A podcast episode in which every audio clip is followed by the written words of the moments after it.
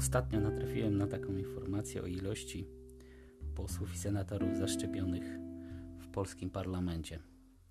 Pytanie brzmi następująco: czy jest to informacja prawdziwa, czy też jednak nie jest potwierdzona? Natomiast pojawiła się ona na portalu e-Świnoujście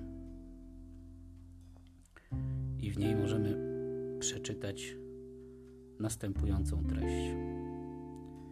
Ile posłów i senatorów się zaszczepiło?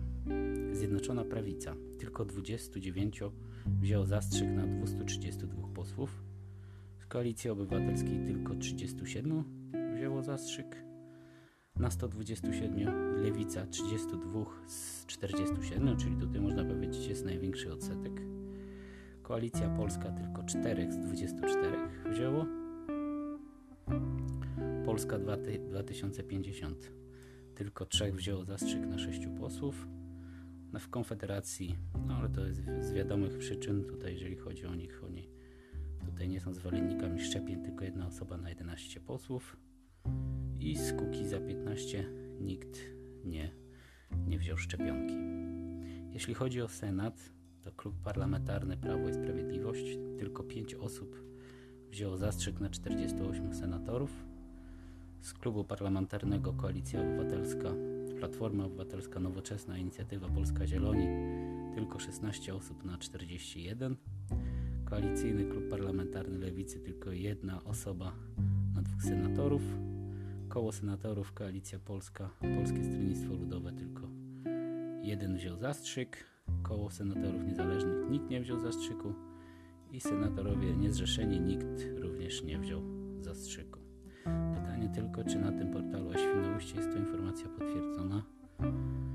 A jeżeli nie, to warto by było zadać takie pytanie publiczne naszym parlamentarzystom, bo jeżeli okazałoby się to prawdą, no to mamy do czynienia z niemałym skandalem, ponieważ ci, co najbardziej nawołują, a wręcz przeciwnie, idziesz też do tego, że możliwe, że będą te szczepienia pod przymusem za niedługi okres, sami się nie szczepią.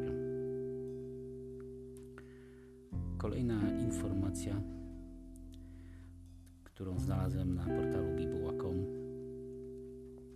pokazuje, jakie wydatki w Polsce zostały przeznaczone na wykonywanie testów PCR.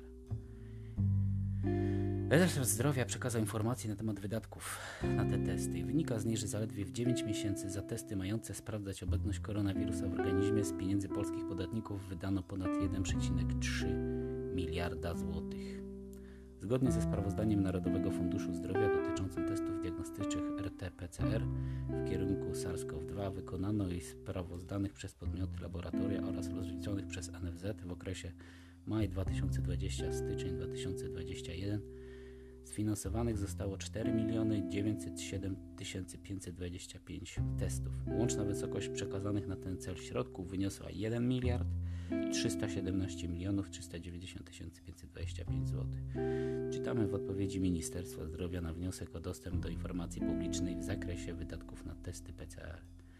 Z informacji przekazanej przez resort wynika, że koszt jednego testu PCR na COVID-19 wynosi 268 zł. I ostatnia już informacja dotyczy niepokojących statystyk dotyczących poronień.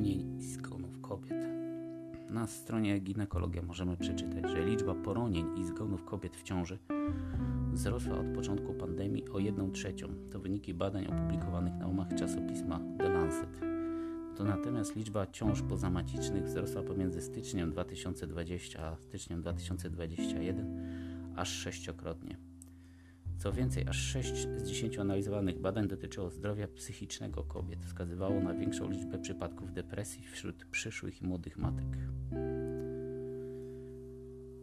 I to na tyle dzisiaj.